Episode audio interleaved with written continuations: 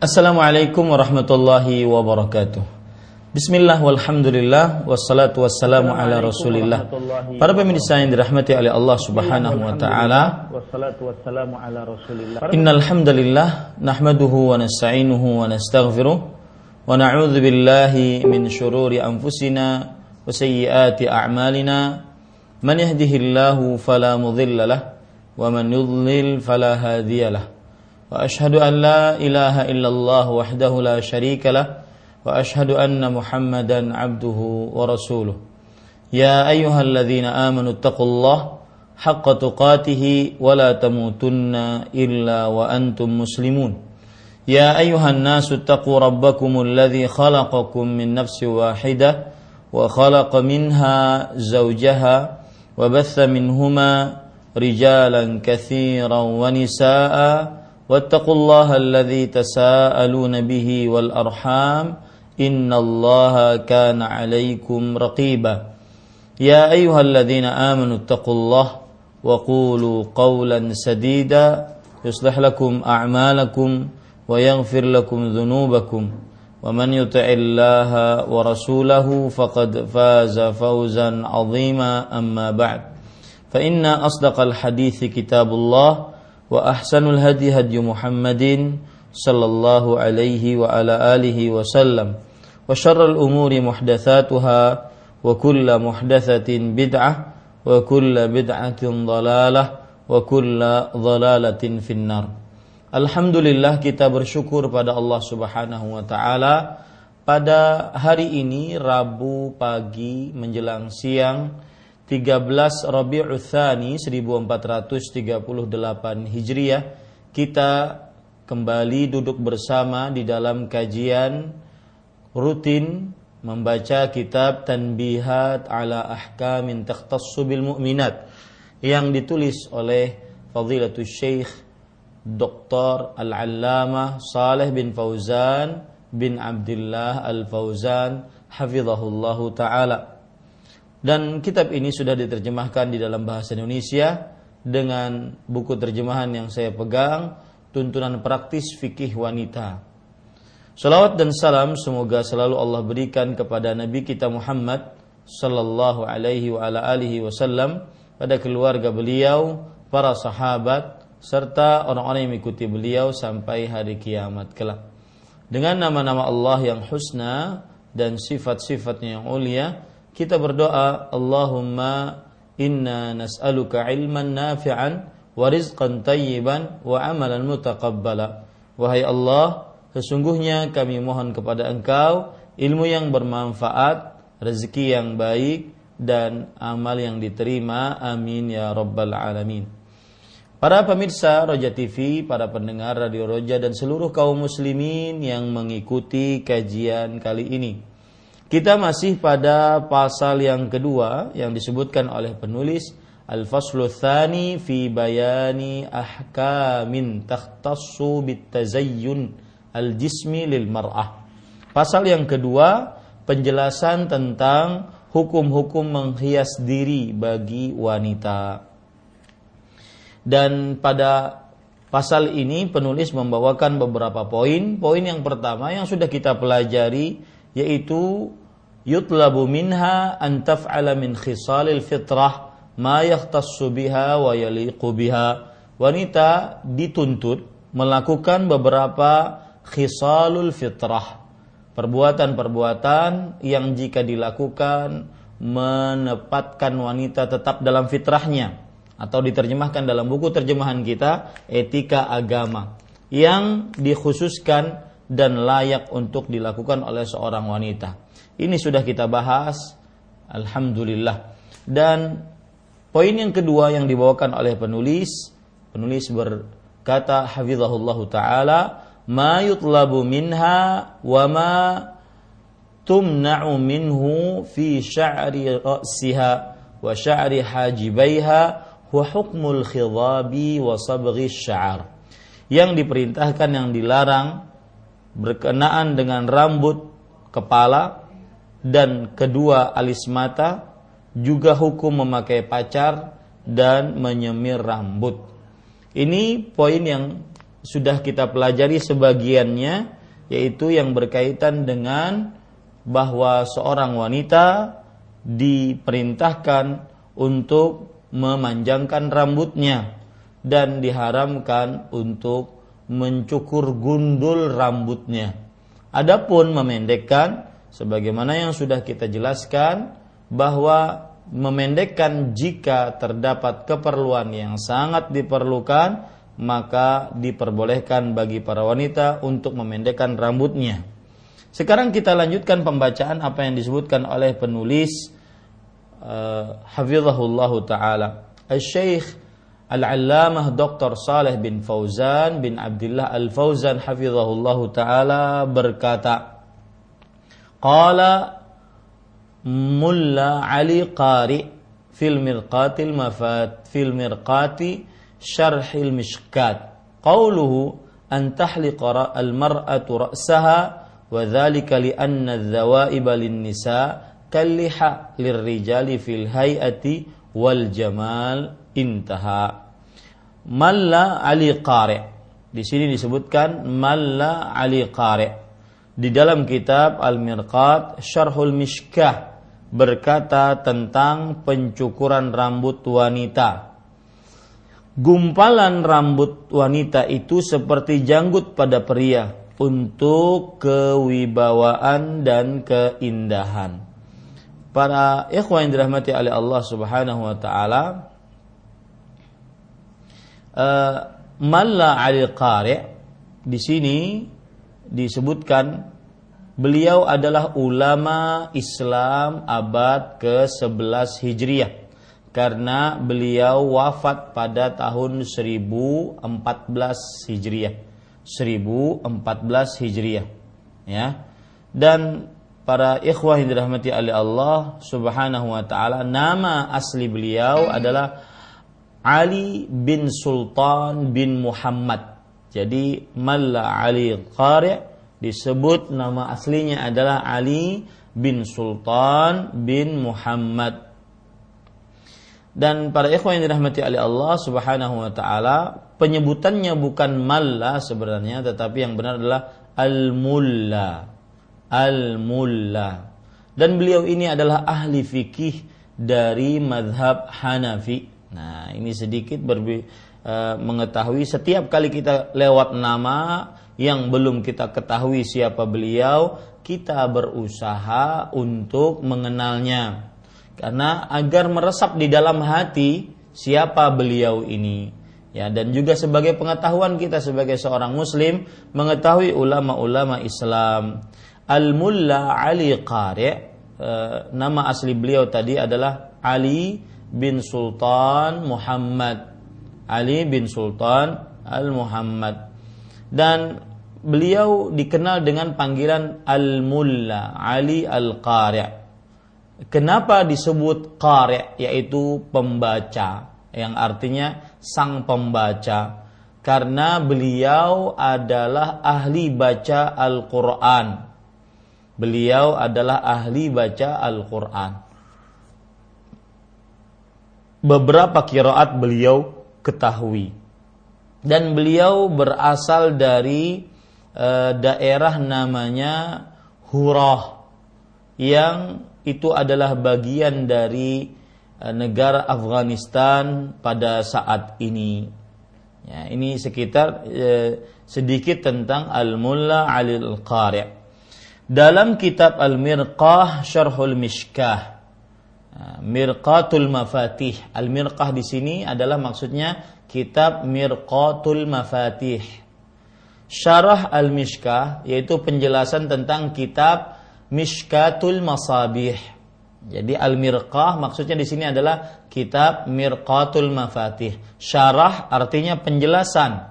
Al-Mishkah artinya adalah kitab Mishkatul Masabih.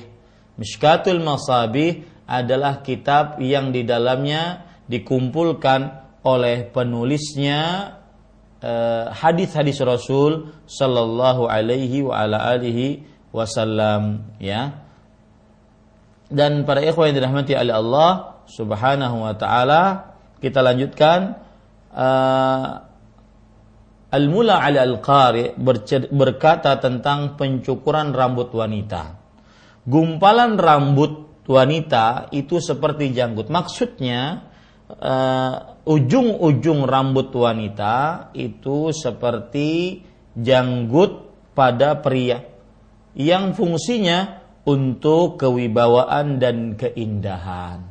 Perempuan jika berambut pendek maka menurut Mulla Ali Al-Qari' beliau mengatakan bahwa e, kurang berwibawa dan juga kurang indah. Makanya diharamkan dalam agama Islam perempuan menggundul rambutnya. Kemudian penulis Syekh Saleh Fauzan berkata, "Wa amma qassu sya'ri ra'siha fa in kana li hajatin ghairi zina ka an ta'jiza an mu'natihi aw yatulu kathiran yashuqqu 'alayha fala ba'sa bi qasdi qas bi qassihi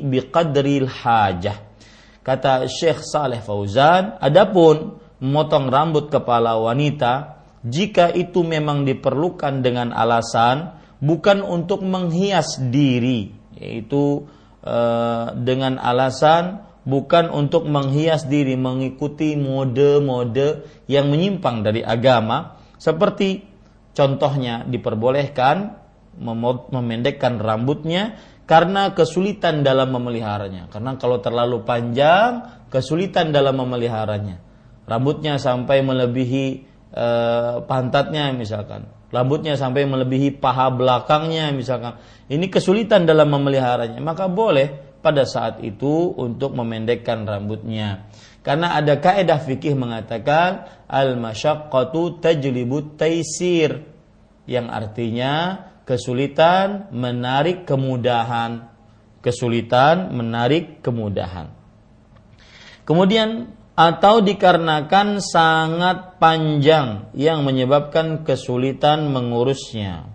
Maka dibolehkan memotongnya sepanjang yang diperlukan. Nah, ingat ya, eh, kesulitan mendatangkan kemudahan. Akan tetapi kemudahan yang dilakukan biqadril hajah sesuai dengan keperluan yang diperlukan.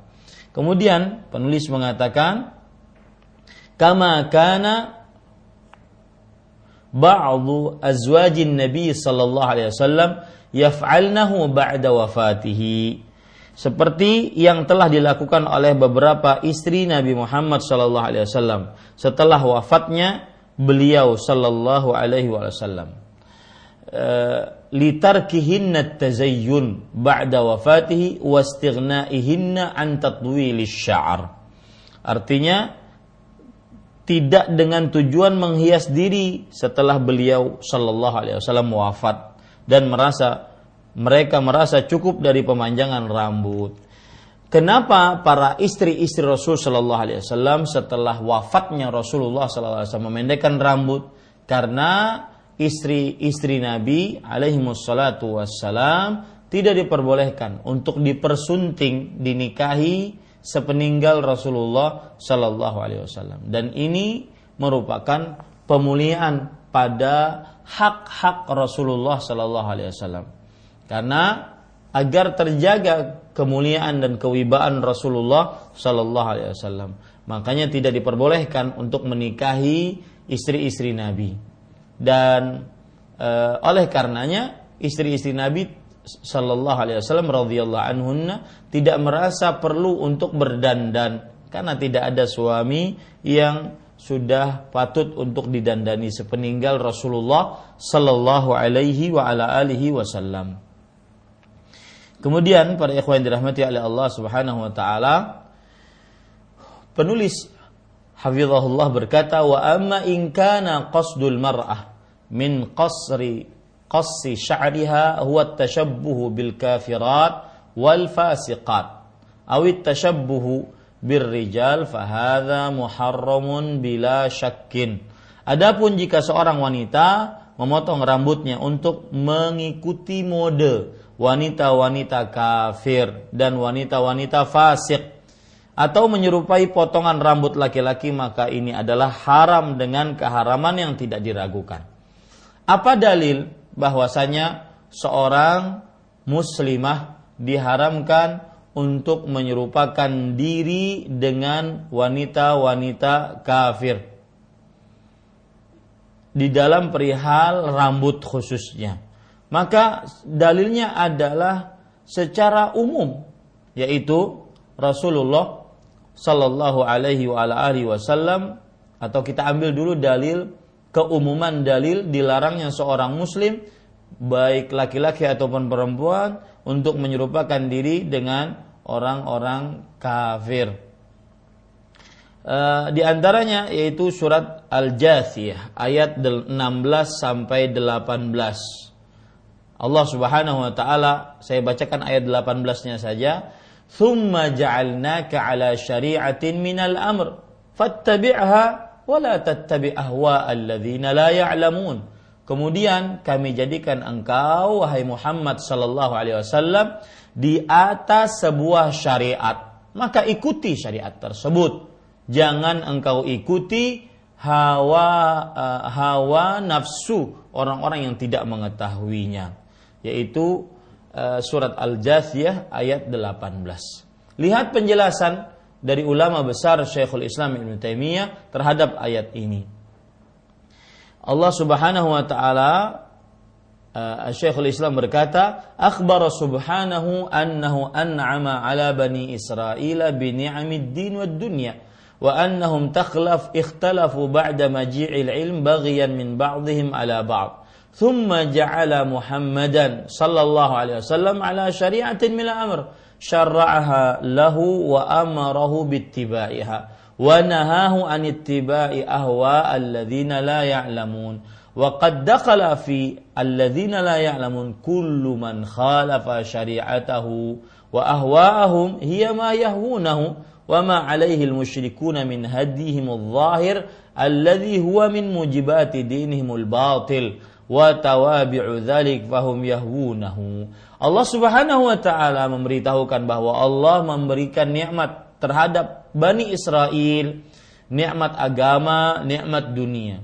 Akan tetapi mereka menyimpang setelah datang ilmu kepada mereka sebagai bentuk kezaliman sebagian mereka kepada sebagian yang lain.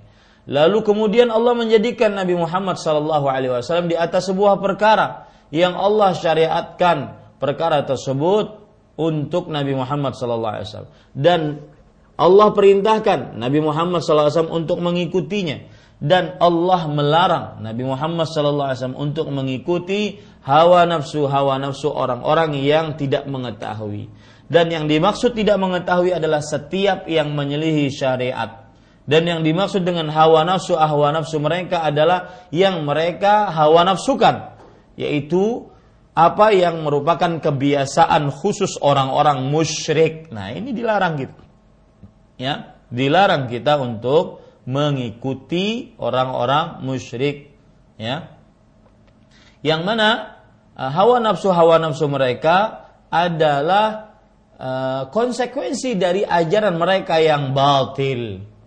Ya, kelakuan mereka yang batil.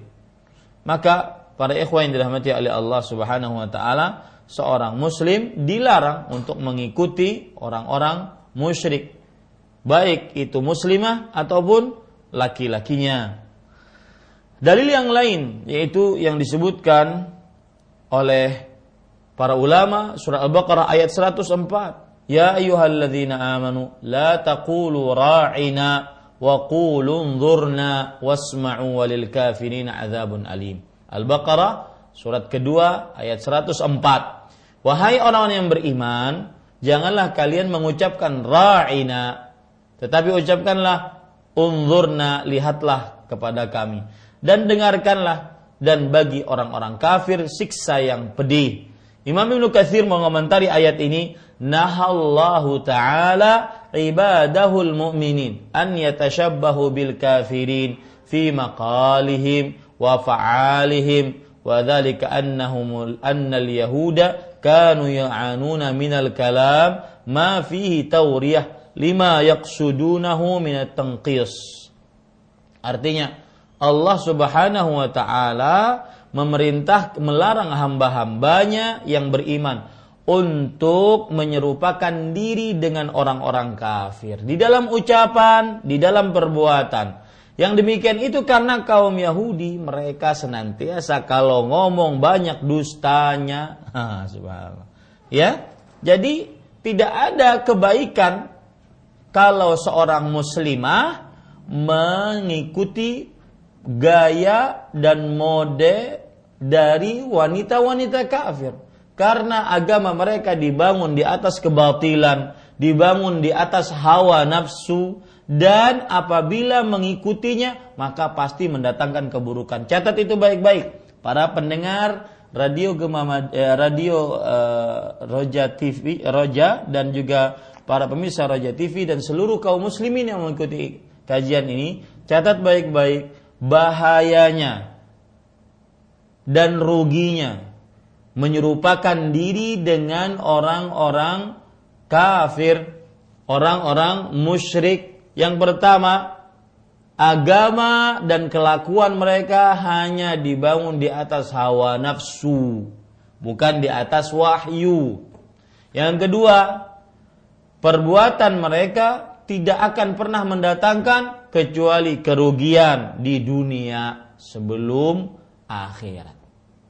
Dua sebab kenapa seseorang muslim harus teguh dengan agamanya dan tidak boleh menyerupakan diri dengan wanita-wanita kafir. Sebabnya adalah karena kebiasaan, kelakuan khusus wanita-wanita kafir, bahkan seluruh kaum musyrikin dan kaum kafirin dibangun di atas hawa nafsu, yang kedua, perbuatan dan kelakuan mereka tidak mendatangkan kecuali keburukan di dunia sebelum akhirat. Para pemirsa Raja TV dan para pendengar Radio Raja dan seluruh kaum muslimin yang mengikuti kajian ini. Tadi penulis mengatakan, adapun jika seorang wanita memotong rambutnya untuk mencontoh, mengikuti mode wanita-wanita kafir atau wanita-wanita fasik. Siapa itu wanita-wanita fasik? Al-fisqu artinya secara bahasa adalah al-khuruj, keluar. Maksudnya al-khuruju an ta'atillah. Wanita-wanita fasik yaitu wanita-wanita yang terkenal bermaksiat kepada Allah. Garis bawah itu baik-baik. Kefasikan artinya keluar dari ketaatan kepada Allah dan sering keluar dari ketaatan kepada Allah. Atau menyerupai potongan rambut laki-laki apa dalil? Uh, sebelum saya sebutkan dalil dari uh, diharamkan menyerupakan diri dengan potongan rambut laki-laki, saya ingin melanjutkan tadi bahwa uh, kita ambil dari hadis Rasul. Uh, diharamkan seorang muslim, muslimah menyerupakan diri dengan kebiasaan, ajaran orang-orang kafir dan orang-orang musyrik. Hadis yang sangat terkenal yaitu hadis riwayat Imam Abu Daud dari Ibnu Umar radhiyallahu anhu Rasulullah sallallahu alaihi wasallam bersabda al man tashabbaha biqaumin fahuwa minhum Barang siapa yang merupakan dirinya dengan suatu kaum, maka dia bagian dari kaum tersebut. Lihat penjelasan menarik dari Syekhul Islam tentang hadis ini. Mudah-mudahan setelah ini kita tidak bermudah-mudah untuk menyerupakan diri dengan kaum kafirin, kaum musyrikin. Meskipun hanya sekedar baju khusus mereka. Meskipun hanya sekedar peci merah mereka. Atau yang semisalnya. Atribut-atribut khusus mereka. Bukan permasalahan sepele yang seperti itu. Lihat Syekhul Islam mengatakan. Wahadal hadithu aqallu ahwalihi annahu yaqtadi tahrima tahrimut tashabbuhi bihim hadis ini kedudukannya yang paling rendah, nilainya yang paling rendah adalah mengkonsekuensikan keharaman menyerupakan diri dengan orang-orang kafir. Wa in kana zahiruhu yaqtadi kufral mutashabbihi bihim. Meskipun sebenarnya secara terlihat jelas hadis tadi adalah mengkonsekuensikan kafirnya seorang yang menyerupakan diri dengan orang-orang kafir. Sebagaimana firman Allah, wa man yatawallahum minkum fa innahu minhum. Barang siapa yang berpaling kepada mereka dari kalian, maka ia bagian dari mereka. Nah, ini hati-hati ya. Jadi hadis itu tidak sembarangan menyerupakan diri dengan orang-orang musyrik, ya. Minimal haram dikerjakan. Ya, padahal yang terlihat jelas adalah yaqtadi kufrul mutasyabbih mengkonsekuensikan kufurnya orang yang menyerupakan diri dengan orang-orang kafir. Itu dalil dari uh, uh, hadis Rasul Shallallahu Alaihi Wasallam. Dalil yang kedua dari hadis Rasul juga diriwayatkan oleh Imam uh, Imam Abu Daud dari Shaddad ibnu Aus radhiyallahu an. Rasul Shallallahu Alaihi Wasallam bersabda, "Khaliful Yahud." Selisihi diri kalian dengan kaum Yahudi. Perhatikan yang potongan-potongan rambutnya menyerupakan diri dengan kaum Yahudi. Yang potongan-potongan bajunya, model-modelnya menyerupakan diri dengan kaum Yahudi. Perhatikan, selisihi kaum Yahudi. Fa innahum la yusalluna fi ni'alihim wala khifafihim. Sesungguhnya mereka tidak sholat dengan memakai sendal atau sepatu mereka. Dalam hadis yang lain, yaitu hadis riwayat Imam Muslim dari Abdullah bin Amr bin As radhiyallahu anhuma Rasulullah sallallahu alaihi wasallam bersabda Inna hadhihi min thiyabil kuffar fala talbasha. Sesungguhnya ini adalah pakaian orang-orang kafir maka jangan ikuti. Lihat, apabila itu khusus bagi mereka tidak diperbolehkan. Nah, tadi kita ingin sebutkan dalil tentang tasyabbuh dengan laki-laki bagi kaum perempuan. Ya, dalilnya apa? Dengan tasyabbuh apa seorang wanita diharamkan untuk bertasyabbuh dengan para lelaki. Karena e, itu berarti merubah ciptaan Allah Subhanahu wa taala. Para ikhwan yang dirahmati oleh Allah, Subhanahu wa taala. Dalilnya perhatikan baik-baik hadis Rasulullah sallallahu alaihi wasallam beliau bersabda dalam hadis riwayat Imam Ahmad, Imam Tirmidzi dan Imam Bukhari, la'anallahu al-mutasyabbihina minar rijali bin nisa wal mutasyabbihati minan nisa'i bir rijal.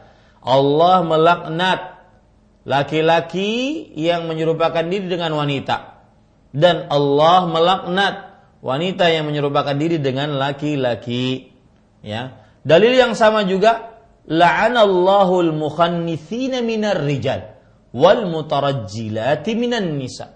Allah telah melaknat wanita-wanita eh, laki-laki yang menyerupakan diri dengan wanita dan perempuan yang menyerupakan diri dengan laki-laki. Ya, ini para ikhwan dirahmati oleh Allah. Dan penjelasan terhadap hadis ini yang dimaksud dengan arti laknat ini saya jelaskan agar lebih menancap di dalam hati.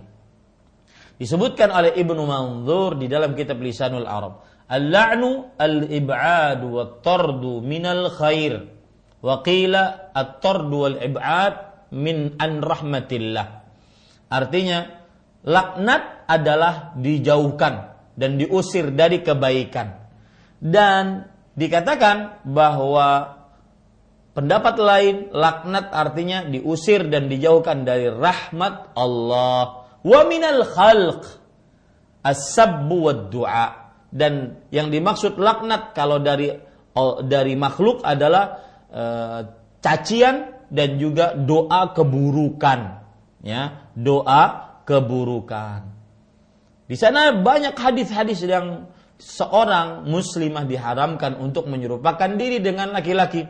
Di antaranya hadis Abu Daud dari Abu Hurairah radhiyallahu an. Beliau berkata, "La'ana Rasulullah sallallahu alaihi wasallam ar-rajula yalbasu libsatal mar'ah wal mar'ata talbasu libsatar rajul." Allah telah melaknat eh, Rasulullah sallallahu alaihi wasallam telah melaknat bahwa seorang lelaki memakai pakaian khusus wanita. Seorang wanita memakai pakaian khusus laki-laki. Ini para ikhwan yang dirahmati oleh Allah Subhanahu wa taala. Lihat penjelasan yang disebutkan oleh para ulama di antaranya Al-Munawi dalam kitabnya Faidul Qadir. Hurmatu tashabbuhur rijali bin nisa wa aksuhu لأنه إذا حرم في اللباس ففي الحركات والسكنات والتصنع بالأعضاء والأصوات أولى بالذم والقبح. فيحرم على الرجال التشبه بالنساء وعكسه في لباس اختص به المتشبه بل المتشبه بل يفسق فاعله للوعيد عليه بالله. perhatikan ini penjelasan menarik. Haramnya seorang lelaki menyerupakan diri dengan seorang perempuan. Atau sebaliknya seorang perempuan menyerupakan diri dengan seorang lelaki.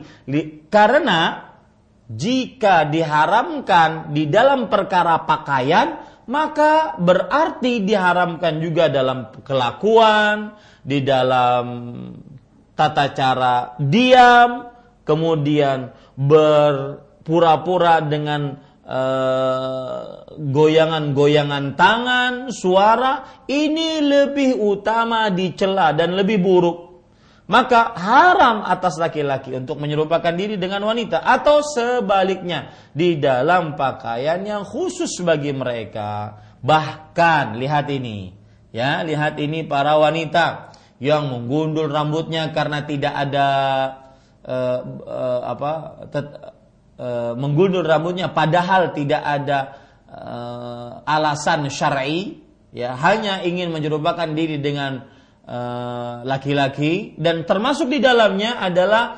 pekerjaan-pekerjaan yang mungkin dia anggap itu adalah profesional kerja. Maka saya harus berda uh, harus uh, bergundulkan didikan ini per, uh, agar masuk ke dalam profesionalitas kerja ya enggak. Ya. Tidak itu bukan perkara sesuatu yang sangat darurat untuk digundul rambut wanitanya. Karena itu menyerupakan e, menyerupai rambut laki-laki. Ya. Lihat bal yafsuqu fa'ilu. Tetapi fasik pelakunya. Kenapa? Karena diancam atasnya mendapatkan laknat Nah, ini para ikhwan yang dirahmati oleh Allah Subhanahu wa taala. Diancam atasnya mendapatkan laknat.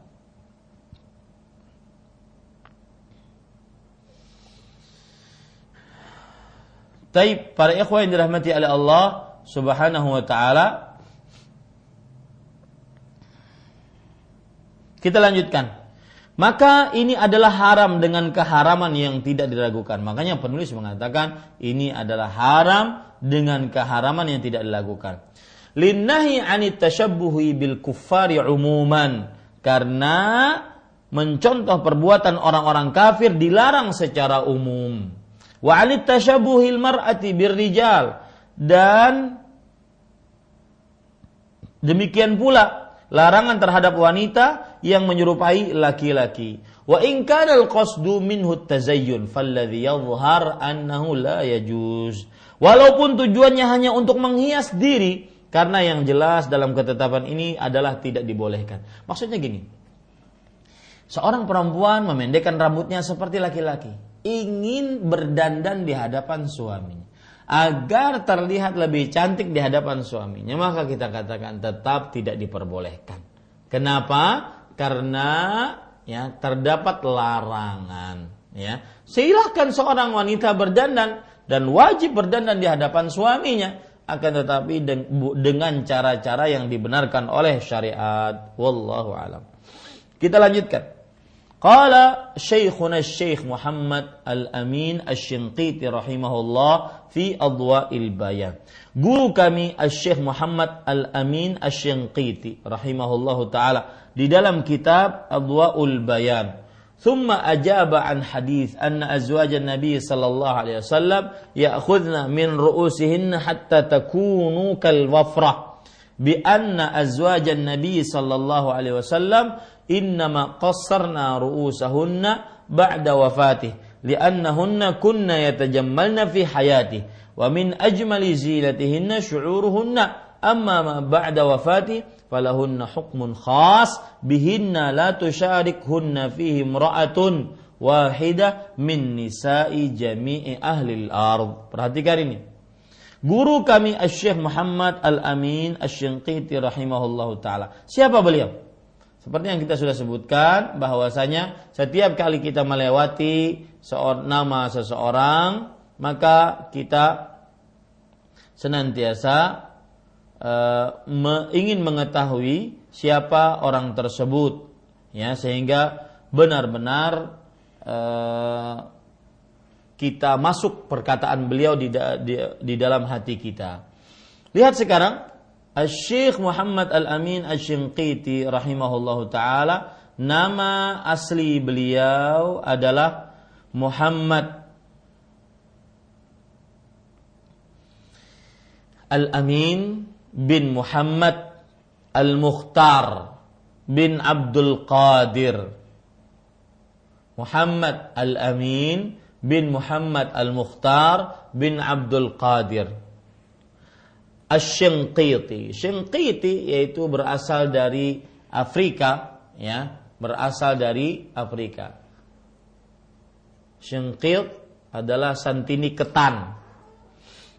Dan beliau para ikhwan yang dirahmati oleh Allah Subhanahu wa taala termasuk gurunya para syekh di zaman sekarang.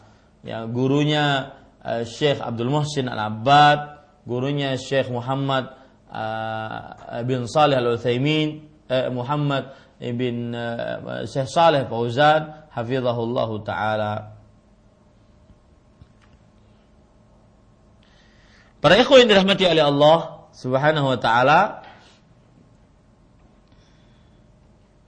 Syekh Muhammad Al-Amin Al-Shinqiti wafat pada tahun 1974 sekitar 30 42 eh, tahun yang lalu. Tahun 1974 1974 Taib di dalam kitab Al-Adwaul Bayan. Adwaul Bayan kitab tafsir yang sangat uh, penting di dalam ilmu tafsir dan banyak faidah-faidah yang beliau sebutkan di dalam kitab tafsir tersebut. Beliau mengatakan adat kebiasaan yang sudah berlaku di beberapa negara wanita memotong rambut kepalanya hingga mendekati kulit kepalanya yang merupakan kebiasaan orang asing yaitu non muslimah dan menyelisih kebiasaan istri-istri orang muslim dan wanita bangsa Arab sebelum datangnya Islam. Jadi uh, wanita berambut pendek bahkan sampai kelihatan uh, kulit kepalanya itu sebenarnya adalah kebiasaan non muslimah kemudian juga uh, kebiasaan orang-orang Arab jahiliyah ya kebiasaan orang-orang Arab jahiliyah. Ini para ikhwan yang dirahmati oleh Allah Subhanahu wa taala. Kemudian beliau mengatakan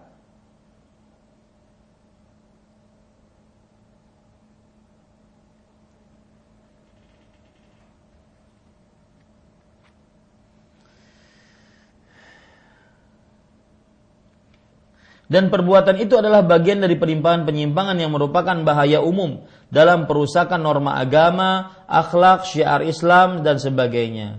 Lalu beliau memberikan jawaban tentang riwayat yang berbunyi bahwa istri-istri Nabi alaihi wassalam radhiyallahu anhunna mengambil memotong rambut kepala mereka hingga menjadi wafrah, memanjang sampai di batas kuping segini. Ya, di batas kuping kal wafrah. Kemudian pada ikhwan dirahmati oleh Allah Subhanahu wa taala uh, bi anna azwajan Nabi sallallahu alaihi wasallam innama qassarna ru'usahunna ba'da wafatihi. Istri-istri Nabi Muhammad SAW memendekkan rambut kepala mereka setelah wafatnya Rasulullah Sallallahu Alaihi Wasallam. Liannahunna kunna yatajammalna fi hayatih. Ya, untuk mempercantik diri mereka pada masa hidup Rasulullah Sallallahu Alaihi Wasallam. Wa am wa min uh, wa man Wa man ajmala zinatahunna wa min ajmali zinatihinna syu'uruhunna. Hiasan kecantikan mereka yang utama adalah rambut mereka. Amma ba'da wafatihi sallallahu alaihi wasallam falahunna hukmun khas. Adapun setelah wafatnya Rasulullah sallallahu alaihi wasallam mereka istri-istri Nabi Muhammad sallallahu alaihi wasallam memiliki hukum tertentu yang berbeda dengan wanita lain di seluruh permukaan bumi.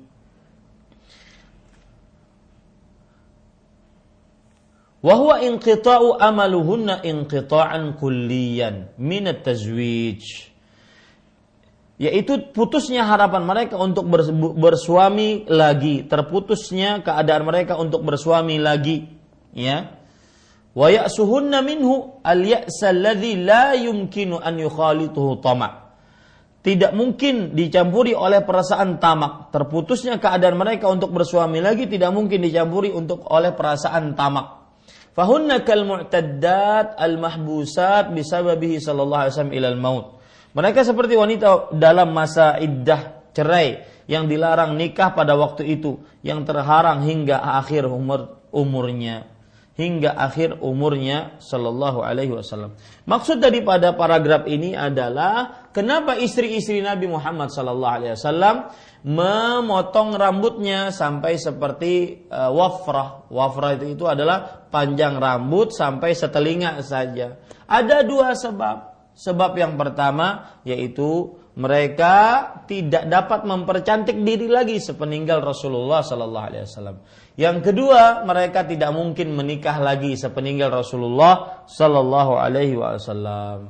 Ya, dan ketidakmungkinan itu benar-benar tidak mungkin, tidak bisa dipaksa-paksa untuk bisa menikah. Ini sebabnya yang tidak bisa dimiliki oleh wanita-wanita lain selain istri-istri Nabi Muhammad Sallallahu Alaihi Wasallam. Makanya istri-istri Nabi Muhammad Sallallahu diperbolehkan untuk e, sepeninggal Rasul Sallallahu Alaihi Wasallam memendekkan rambutnya, ya, memendekkan rambutnya. Dan ini saya sebutkan bahwasanya istri-istri Nabi seperti selalu di dalam masa iddah sampai nanti mereka diwafatkan oleh Allah Subhanahu wa taala. Jadi selalu mereka seperti dalam masa iddah. Kemudian para ikhwan yang dirahmati oleh Allah Subhanahu wa taala, qala ta'ala wa ma kana lakum an tu'dhu Rasulullah wa la an tankihu azwajahu min ba'dihi abada. Inna dzalikum kana 'indallahi 'azima. Dan tidak boleh kalian menyakiti hati Rasulullah sallallahu alaihi wasallam dan tidak boleh pula mengawini istri-istrinya selama-lamanya setelah ia wafat. Sesungguhnya perbuatan itu amat besar dosanya di sisi Allah Subhanahu wa taala. Ini ayat menunjukkan bahwasanya uh, seorang uh, muslim tidak diperbolehkan untuk menyakiti Rasulullah. Kemudian juga seorang muslim tidak diperbolehkan untuk menikahi istri-istri Nabi sepeninggal Rasulullah Sallallahu Alaihi Wasallam dan kalau terjadi pernikahan maka ini termasuk dari dosa besar. Lihat, saya akan bacakan tafsiran surat Al-Ahzab ayat 53. Surat yang ke-33 ayat 53. Perhatikan baik-baik para ikhwan yang dirahmati oleh Allah. Ayat ini adalah penggalan ayat yang di, di awal ayat Allah Subhanahu wa taala berfirman, "Ya ayyuhalladzina amanu la tadkhulu buyutan nabi."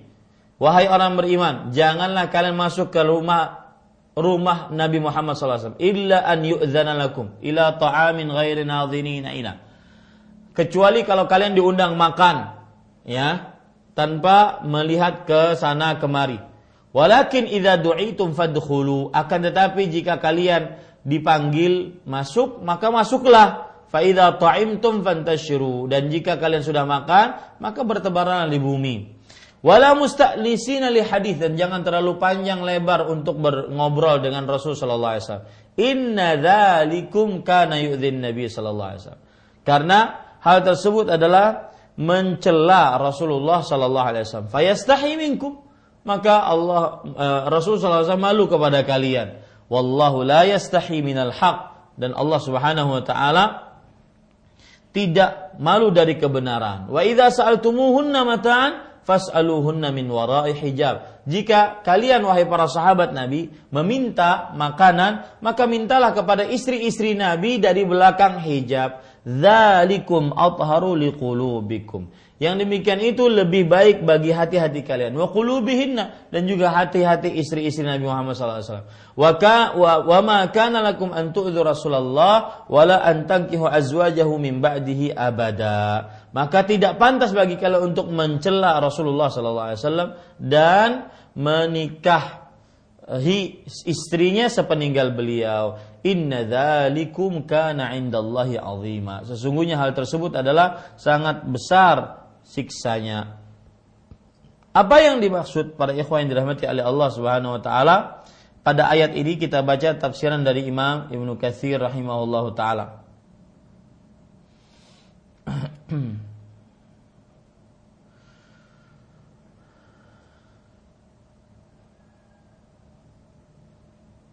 Abdullah bin Abbas berkata, "Nazalat fi rajulin hamma an yatazawwaja ba'dha nisa'in nabi." Ayat ini turun adalah tentang menceritakan bahwa uh, ada seseorang yang ingin menikahi istri-istri Nabi Muhammad sallallahu alaihi wasallam. Qala rajulun li Sufyan ahya Aisyah qad qala qad dzakaru Apakah yang dimaksud tersebut adalah Aisyah? Karena masih muda, maka uh, para ulama uh, tafsir mengatakan itu yang disebutkan namanya bahwasanya ada yang uh, ingin menikahi Aisyah radhiyallahu anha wa aradhaha Lihat Imam Ibnu Katsir juga mengatakan, "Walihada ajma'al ulama qatibatan ala anna man tuwfiya anha Rasulullah sallallahu alaihi wasallam min azwaji annahu yahrumu ala ghairihi tazwijuha min ba'dihi." Oleh karenanya para ulama bersepakat seluruhnya bahwa barang siapa dari istri-istri Nabi yang meninggal ya di dalam tanggung jawab Nabi Muhammad SAW maka diharamkan atas selain Nabi Muhammad SAW untuk menikahkannya sepeninggal menikahinya sepeninggal Rasulullah sallallahu alaihi wasallam. Li'annahunna azwajuhu fid dunya wal akhirah wa ummahatul mu'minin. Karena para istri Nabi Muhammad alaihi wasallam adalah uh, istri-istri beliau di dunia dan di akhirat dan beliau beliau beliau adalah ummahatul mu'minin yaitu ibundanya para orang beriman. Jadi tidak pantas untuk dinikahi Berarti menikahi ibu kalau begitu, kalau seandainya terjadi pernikahan. Nah, ini para ikhwan yang dirahmati oleh Allah Subhanahu wa taala.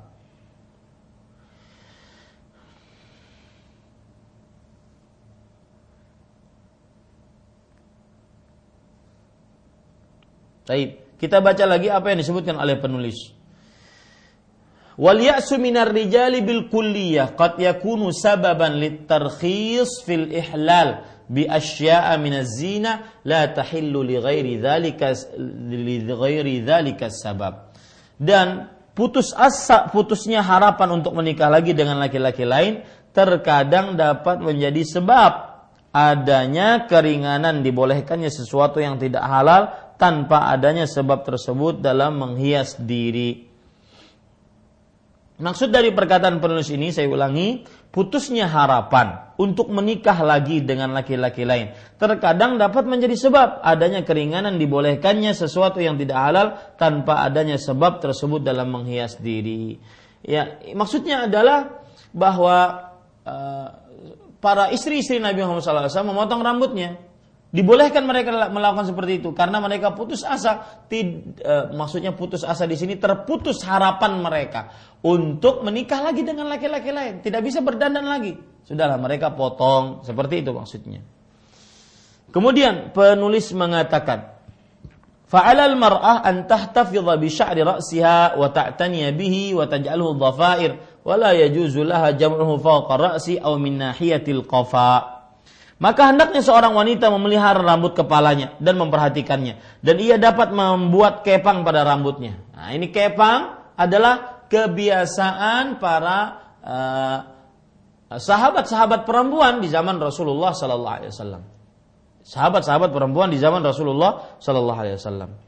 Dan ia tidak boleh menyatukannya di atas kepalanya, menyanggulnya atau di belakang tengkuknya. Tidak boleh, eh, misalkan dikumpulkan di sini, kemudian diletakkan di atas, ataupun diletakkan di tengah-tengah. Tidak boleh dikumpulkan. Yang boleh adalah dikepang, dijulurkan di kepang. Kenapa tidak boleh para ikhwan yang dirahmati oleh Allah? Dilarang oleh Rasul sallallahu alaihi wasallam. Uh, karena seperti wanita Arab jahiliyah, sisiran seperti itu adalah sisiran dandanan para pekerja seks komersial di zaman Arab jahiliyah, ya, di zaman Arab jahiliyah. Nanti dalilnya akan disebutkan oleh penulis insyaallah taala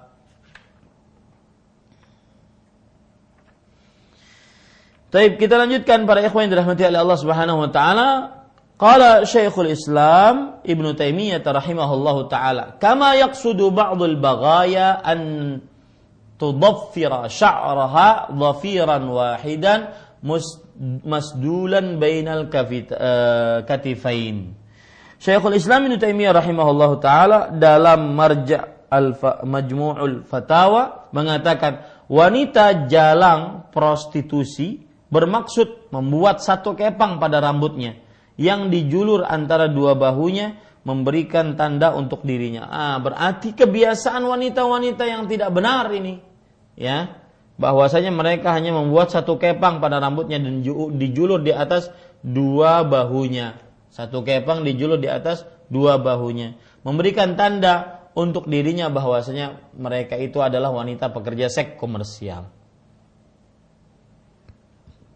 Baik, kita lanjutkan. Qala Syekh Muhammad Ibnu Ibrahim Mufti Diyar As-Saudiyah rahimahullah. Syekh Muhammad bin Ibrahim mufti yaitu ahli fatwa negara Saudi mengatakan Wa amma ma yaf'aluhu ba'd nisa'il muslimat muslimin fi hadha zamani min fawqi min farqi ra'si min janibi min janib wa jam'uhu min nahiyatil qafa aw ja'aluhu fawqa ra'si kama taf'alu nisa'ul ifrinj fahadha la yajuz lima fihi min at-tashabbuh binisa'il kafir atau binisa'il kuffar. Lihat perhatikan Syekh Muhammad bin Ibrahim, ahli fatwa negara Arab Saudi terdahulu sebelum Syekh bin Bas rahimahullah ini. Mengatakan adapun yang dilakukan oleh sebagian wanita muslimah pada masa kini yaitu menebarkan rambut kepalanya ke sisi kepalanya lalu terhimpun terjulur di bagian tengkuknya atau menjadikannya di atas kepalanya seperti yang dilakukan oleh wanita-wanita asing yaitu non muslim maka model seperti ini di, tidak diperbolehkan karena mengandung penyerupaan peniruan terhadap wanita-wanita kafir. Bagaimana itu yang dimaksud? Mene, menebarkan rambutnya rambut ke kepalanya di sisi kepalanya. Dikumpulkan di sini. Lalu terhimpun, terjulur di bagian tengkuk. Ya. Di bagian tengkuk. Jadi menebarkan rambut kepala di sisi kepala, lalu terhimpun terjulur di bagian tengkuk. Orang pakai ikat gitu loh maksudnya. Di, dikumpulkan di sini, kemudian diikat, ya pakai tali, kemudian e, dipanjangkan. Itu yang dimaksud dengan di, e, terjulur di bagian tengkuknya, ya. Atau menjadikannya di atas kepalanya seperti yang dilakukan oleh wanita-wanita asing.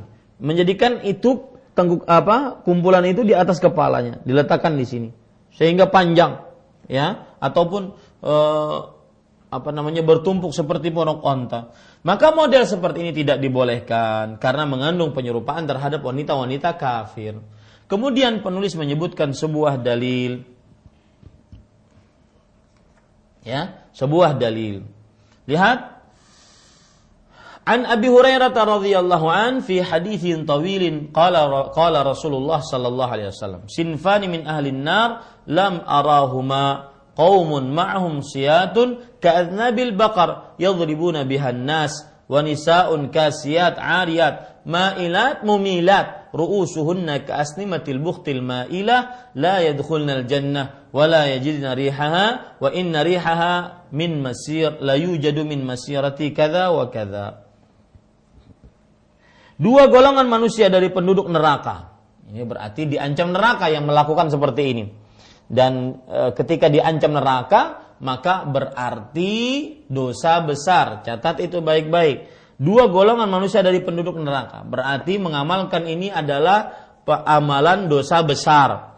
Karena diancam neraka. Setiap dosa yang diancam neraka, maka itu jika dikerjakan dia melakukan dosa besar. Yang aku belum pernah melihat keduanya atau sebelumnya. Ini berarti di zaman Rasulullah Sallallahu Alaihi Wasallam tidak ada ya di zaman Rasulullah SAW tidak tidak ada. Satu kaum yang membawa cambuk seperti ekor sapi yang dengannya mereka mencambuk orang-orang golongan lainnya. Ya, ini para pemimpin, para tuan, para majikan yang mempunyai pekerja. Maka tidak boleh menyakiti para pekerja kita tanpa alasan. Kemudian para wanita yang berpakaian tetapi pada hakikatnya mereka telanjang. Di sini ada empat penafsiran wanita yang memakai pakaian tetapi telanjang. Satu, wanita yang berpakaian akan tetapi tidak e, tertutup seluruhnya. Pakaian tapi telanjang berarti tidak tertutup seluruhnya. Ada sebagiannya terbuka.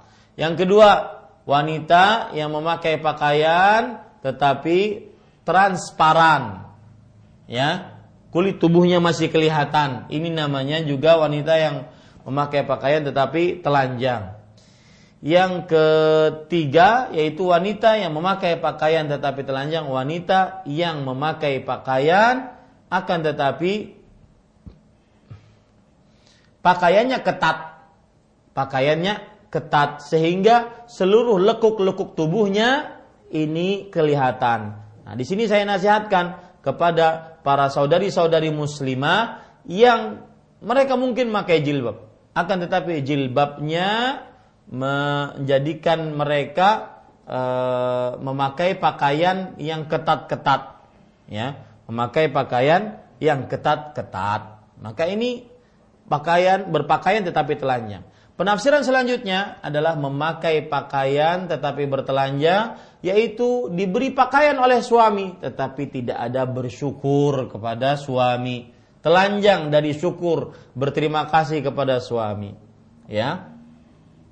Kemudian yang tafsiran selanjutnya adalah wanita-wanita yang memakai pakaian tetapi telanjang, maksudnya adalah wanita-wanita yang memperhatikan model e, di pakaiannya, model tubuhnya, ya medi pedicure ya membersihkan uh, apa namanya ini uh, uh, kuku kemudian juga bulu mata kah kemudian hidung kah?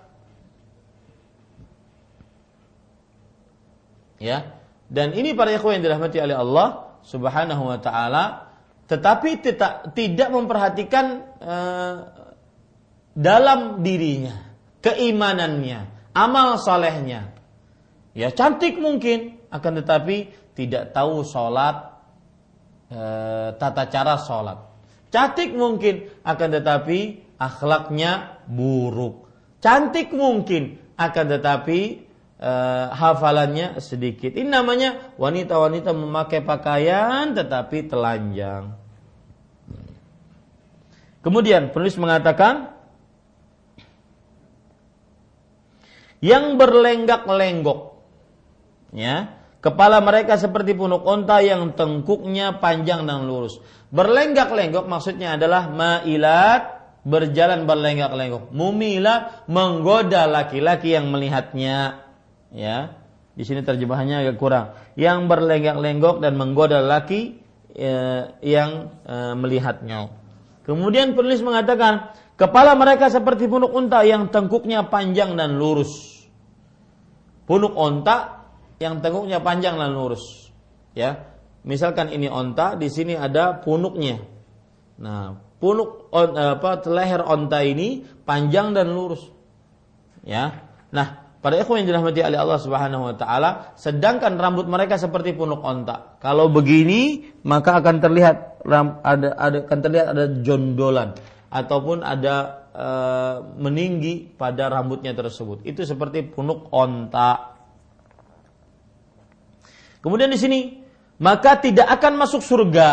Nah, kata-kata tidak akan masuk surga bukan berarti selamanya. Karena akidah Ahlussunnah wal Jamaah mengatakan yang tidak akan pernah masuk surga adalah orang kafir, orang musyrik, orang i'tiq, munafik i'tiqadi. Ya. Lalu kenapa disebutkan la yadkhulnal jannah, tidak masuk surga? Maksudnya gara-gara dosanya yang dia tidak bertaubat akhirnya dia tidak masuk surga. Adapun kekal abadi tidak kekal abadi di dalam neraka selama dia bertauhid.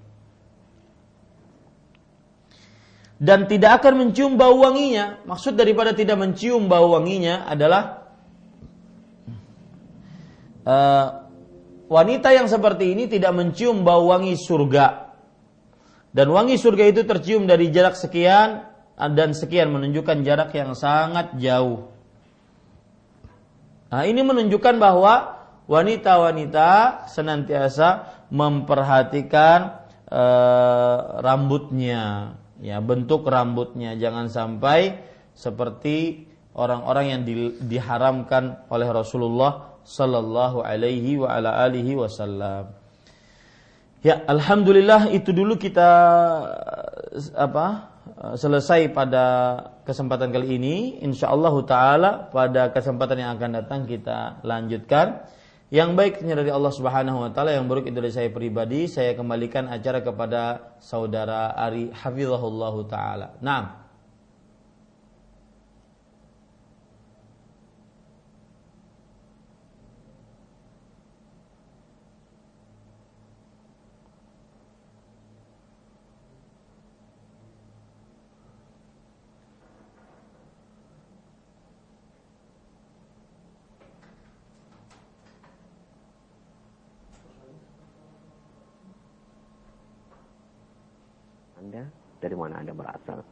Dan kami harapkan pertanyaan-pertanyaan yang Anda ajukan berkesesuaian dengan pembahasan di kesempatan pagi hari ini.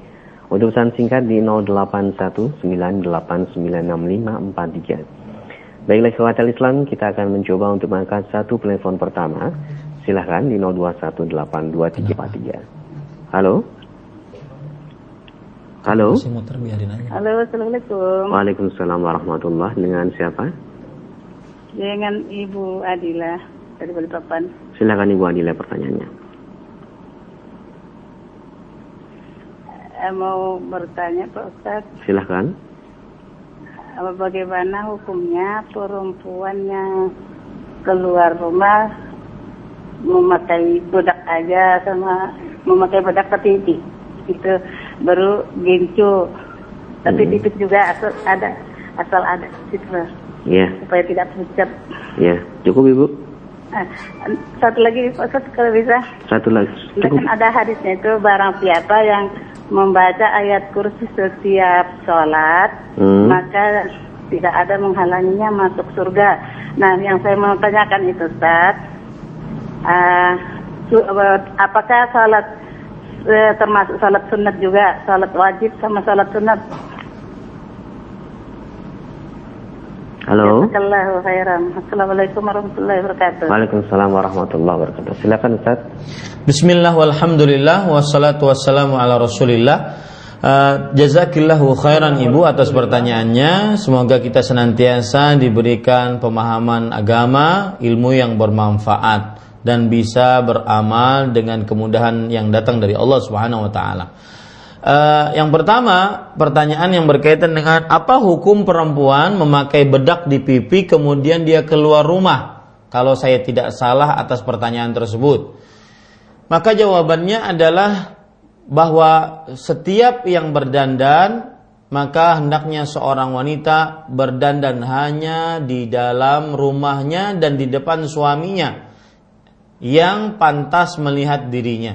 Allah Subhanahu wa taala berfirman, waqarna fi buyutikunna wala tabarrajna tabarrujal dan hendaklah para wanita berdiam diri di rumah-rumah mereka dan janganlah mereka berdandan seperti wanita-wanita Arab jahiliyah berdandan. Uh, di sini ada hubungan antara rumah dengan dandan. Maka hendaknya seorang wanita berdandan hanya di rumahnya di hadapan suaminya yang pantas untuk melihat kecantikannya. Kemudian yang kedua yaitu e, membaca ayat kursi. Ya, membaca ayat kursi. Setelah selesai sholat, apakah uh, pembacaan ini juga berlaku pada so, pada sholat sunnah? Ya, pada sholat sunnah. Perhatikan eh, baik-baik Bapak Ibu saudara-saudari yang dimuliakan oleh Allah Subhanahu wa taala bahwa ada hadis yang diriwayatkan oleh Imam An-Nasai dari Abu Umamah Al-Bahili radhiyallahu an Rasulullah sallallahu alaihi wasallam bersabda, "Man qara'a dubura kulli salatin maktubah." Barang siapa yang membaca di akhir setiap salat wajib ayat al-kursi membaca ayat kursi lam yamna'hu min dukhul jannah illa an yamut. Tidak ada yang menahannya dari masuk surga kecuali uh, dia meninggal. Maka di sini disebutkan adalah sholat wajib. Membaca di akhir setiap sholat wajib. Berarti sholat sunnah tidak dibaca. Lalu apa bacaan setelah sholat sunnah? Astaghfirullah, astaghfirullah, astaghfirullah. Allahumma antas salam wa minkas salam tabarakta ya dzal jalali wal ikram. Itu saja yang dibaca setelah selesai sholat sunnah. Wallahu alam. Setelah selesai sholat sunnah. Wallahu alam. Baik, Ustaz, terima kasih atas jawabannya. Semoga bermanfaat untuk ibu yang bertanya khususnya dan kita semuanya yang menyimak di kesempatan pagi hari ini. Selanjutnya masih kami buka atau kita persilahkan kembali untuk Anda yang ingin menghubungi kami via telepon. Halo. Silakan, halo. Halo. Belum tersambung, kita coba kembali di 0218236543 bagi Anda yang ingin bertanya langsung bersama kami di kesempatan pagi hari ini. Halo, Assalamualaikum.